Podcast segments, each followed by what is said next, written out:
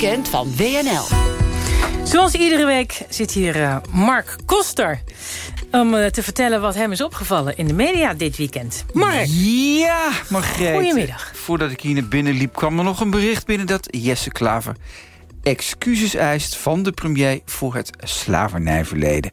Ik hoor het. En de kranten staan vol met de analyses over slavernij, racisme. Um, nou ja, ik dacht, is dit nou weer de politiek om racisme te bestrijden? Dat, dat de premier dan moet zeggen... sorry voor het slavernijverleden. Alsof dat iets oplost. Ik, ja, ik dacht, daar begin ik mee. Wat, wat vind jij ervan?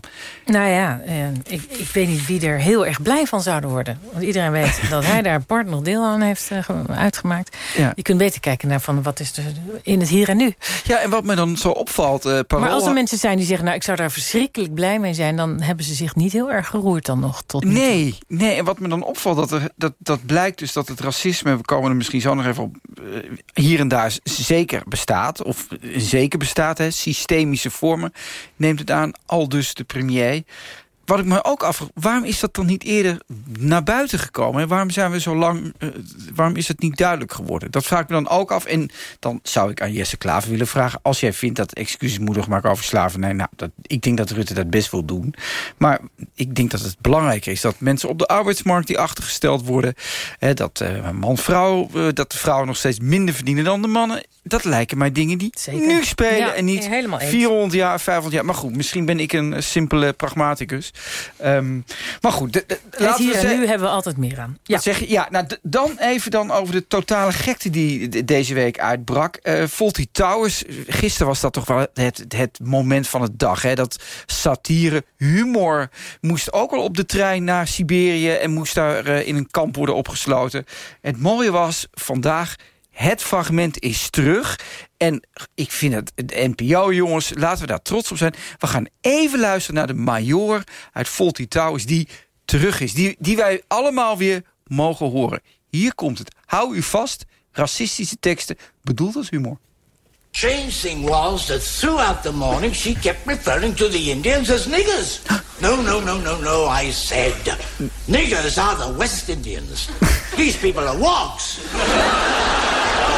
No, no, she said all cricketers are niggers.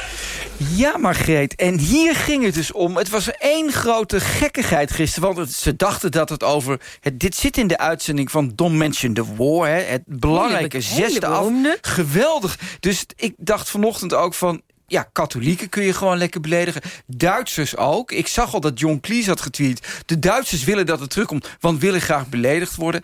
Dus de humor die, die hierin zat... Dit is dan een reactionaire, racistische major... die ook zo moet worden neergezet. Je hoort de mensen ook lachen. Ja. Hè, of van, dat zijn dan wokes, dat zijn dan vieze witte hè, Indiërs. En dan, ze- dan zegt de vrouw van Bezos... nee, dat zijn dus niggers. En waarmee zij dus de echte racist is... terwijl zij tegen deze man... Het is zeer complex. En dat maakt Volty trouwens zo ongelooflijk mooi. Hij had zelf gezegd, dat, dat maakte wel indruk op mij... van ja, maar dit is juist het, de draaksteken met het racisme binnen de Britse elite. En dat ligt er zo dik bovenop... dat ik gewoon eigenlijk niet begrijp dat iemand dat niet zo kan Ja, zien. En Klies was echt boos. En ik was het eigenlijk ook wel een beetje. En ehm, ik, in, in gesprekken over ja, hoe, hoe zullen we zo'n mediablokje nou maken... sprak ik met wat mensen. En mijn vrouw zei ook... Mark, Kotenbi, Mehmet Pamuk... beroemde scène, Kotenbi... die dan ook de dra- raaksteken met het racistische... Hoe je, mensen, hoe je het racisme moet bestrijden. Moet je eens luisteren. Mehmet Pamuk, de Turkse immigrant in Nederland... gaat naar de groenteboer in Den Haag. Ah, ja. En dan horen we de volgende dialoog. Goedemorgen, meneer. Ah, Constantinopolis. Ja. Komt hij vandaan, hè? Is al zes jaar vaste klant hier. En eh, is, eh, is, is het goed, hè, Hiro? Goed, eh, goed groente, Hiro.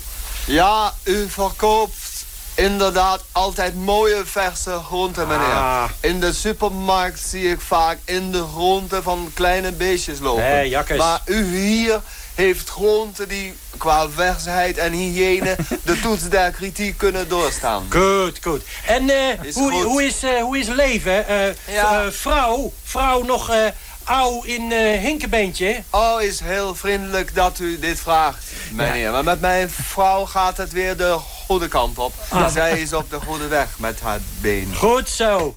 Nou, dit is, kijk, maar hier moeten we dus om lachen. En dit is ook... Ja, maar, ook- maar, maar wacht even. Je, je hoort een, een prachtig sprekende, zogenaamde allochtoon... eh, in vol zinnen en, en het is op de hak nemen van, van juist de witte man die het niet snapt. Nou, maar je- wat hier ook in zit, en dat, dat, dat vroeg ik me deze week ook af... dat de, de, de, de, de, de wit mensen, waar wij dan toe behoren... die dan helemaal door de knieën gaat, knielend zich, zich als een soort imbeciel... in allerlei bochten wringt, omdat we dan naar een soort ja, beestjes moeten kijken... die enorme slachtoffers zijn. Ja, dit is de omdraaiing van alles. En dat, dat ontbrak deze week verschrikkelijk. John Cleese, die heeft daar ook nog weer iets fantastisch over gezegd... over wat humor nou zou moeten doen. Zegt hij het volgende over. And the whole point about humor, the whole point about comedy, and believe you me, I've thought about this, is that all comedy is critical. Even if you make a very inclusive joke, like um, how'd you make God laugh? Answer, tell him your plans. Ja, dus, dus ik ben zo blij. En dat klinkt echt... Ik ben niet zo snel boos, maar ik ben heel blij dat het teruggezet is. Overigens was het er al vanaf... In 2013 was het fragment er al uitgezet. Dus wat het Oh nu is... ja? Kijk Margreet, van op. Dat ja, nee, het is in 2013... Oké, dat is- ons toch ook gewoon geheel en al ontgaan. Nou, waarom is- dan? Nou, daar waarom? was toen ook al discussie over. Oh, vanwege het N-woord, hè, wat, wat, wat er daar net valt. Maar wat je dus nu Vanwege ziet... het woord nigger. Ja, vanwege het woord Nick. En Wat er, dus, wat er dus nu gebeurd is... en dat is het effect van de totale waanzin... dat de paaltjes nu terug zijn gezet. En dat vind ik ook wel mooi. Dat, dat, dat, dat, eh, dat de nuchterheid weer een beetje terugkomt. Want het is natuurlijk totale gekte. Hè, ook met die beeldenstorm. Het leukste stukje vind ik zelf in Trouw, pagina 5. Daar staat een stukje over het Von Heuts monument... wat ook veel eerder hè, weggehaald werd. Hè, de grote slachter van Atje Von Heuts. De allermooiste zin dit weekend was dat die Van Heuts dat standbeeld helemaal niet wilde. Dus dat vind ik ook mooi dat Van Heuts kreeg En ooit... waarom niet? Nou, omdat hij vond dat hij zijn werk gewoon had gedaan. Wel afschuwelijk werk. Het was een even enorme tiran. Maar dat zijn dan van die leuke zinnetjes die de geschiedenis, wat mij betreft... Het Maar even- niet omdat hij spijt had wat hij had gedaan. Nee, daar had hij natuurlijk geen spijt. Nee. Het is een verschrikkelijke vent. En het is het, dat, dat, dat is ook omgekat, dat, eh, dat monument. Maar ik vond het wel mooi dat hij dat zelf helemaal niet hoefde. Ehm, dus ja, laten we dat hiermee afronden. Dan nog wat andere leuke verhalen. Meneer De grote baas, baas der burgemeesters. Ehm, Uit geeft- Nijmegen. Ja, leuke, leuke, leuke Ja, bon. Toch? Leuke, leuke ja, en hij zit in de, de, de voorzitter van de veiligheidsregio's, toch? Ja, nou, die, die vertelt dus eh, een, een leuke, leuke paradoxale boodschap he- heeft hij. Hij zegt, ja, in het begin van de crisis konden we een heldere boodschap brengen. Geen leuke berichten, maar wel duidelijk. U mag niets. Dat is simpel te begrijpen. Toen kwamen de verruimingen. Een vrolijker boodschap, maar de mensen werden niet vrolijk. Ze werden narrig. Er kwamen te veel keuzes. Mag ik nou wel of niet naar het strand? Waarom moet ik een mondkapje dragen? Helder communiceren is dan cruciaal. Dat is natuurlijk waar we allemaal wel een beetje last van hebben. We weten niet wat we Nou, willen. ik wil heel Al- graag keuzes ook, ja, hoor. maar Heel anderhalve meter. Sommigen houden zich er wel aan. Je hebt natuurlijk Maurice de Hond die met zijn theorieën komt... van dat het allemaal niet uitmaakt. Dus ik vind dat wel grappig dat zo'n brul zegt... ja, je- kan beter dan opgesloten zitten en duidelijk... en daar dan tegen zijn dan dit. En het, ja, dat, dus die bruls die, die, Ja, die heeft een snap mooi wel wat hij verhaal. bedoelt. Ja. En het, het allerleukste, dat, dat staat er verderop... dat de Bruls eigenlijk het, het hoogtepunt in zijn leven... denk je van nou, Hu- Hubert Bruls, wat is het hoogtepunt voor je leven? Dat hij verkleed ging als kip naar carnaval. ja, je lacht. Ja, ik moet daarom lachen. Ja. ja, verkleden als gele kip was een hoogtepunt in mijn bestaan, zegt hij. Ja, zoals je ziet, want hij vraagt rond tijdens dat interview... mag ik even de foto zien waarin ik als gele kip verkleed gaat? Zoals je ziet zit er genoeg vlees aan de kip. Hubert Bruls is niet de dunste, kunnen we ook zeggen. Daar kun je wat mee als je mij op het menu hebt. Maar carnaval volgend jaar...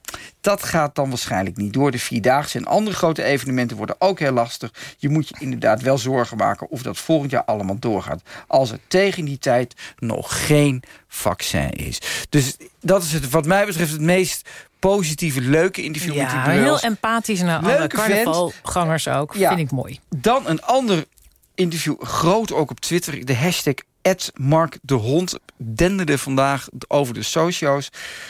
Prachtig interview. Antoinette Schulderman, de ja, meesterinterview van de Volkskrant Magazine... ook van het blad Linda.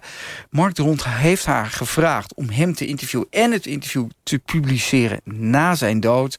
Hm? Ehm, schitterende foto's, mooie interview. De zoon van Maurice de Rond. De, de, ja, die aan ons is. is overleden. Ja. ja uh, hij vertelt nou ja, ik, ik, een paar dingen zijn interessant. Dat, uh, ja, dat, dat, dat grappen maken hem erdoor heeft gehaald. Uh, grappen maken over de holocaust. Nou, de familie de Hond, zoals we weten, de Joodse familie. Afschuwelijke tijden gehad. De holocaust, een traumatische ervaring in de familie. De dood, kanker of Thierry Baudet. Daar hebben de Maurice en Mark de Hond veel grappen over gemaakt. En dan komt een scène, ik weet niet of dat op zaterdagmiddag kan nu wel, toch? Over seks. Kunnen we, dat, kunnen we daar iets over zeggen? Ik denk het wel. en anders uh, doe even gauw door. Ja, ik vond het een heel bijzonder moment dat Ramona, zijn vrouw, me vroeg of ik nog één keer seks wilde voordat alles eruit ging. Hij had behalve, hij had eh, in zijn blaas en niks deed het meer. Het moest er allemaal uit en dan zou het dus niet meer doen. En dat dat toen nog één keer lukte. Ik heb daar geen gêne over. En misschien scheelt het ook dat ik weet dat het boek of dit interview pas na mijn dood wordt gepubliceerd. Ik vind het wel mooi dat die man all the way zijn verhaal heeft gedaan. En dat hij aan die Ramona heeft gevraagd... nou, zullen we het nog één keer doen? Ja, laten we het doen. Ontzettend verdrietig. Ontzettend verdrietig. En wat mij betreft de allermooiste zin uit de, het interview. Antoinette Schulderman is klaar, gaat naar buiten... en dan zwaait hij haar met de volgende woorden uit. Zij die stervende zijn, groeten u vreselijk. Echt vreselijk.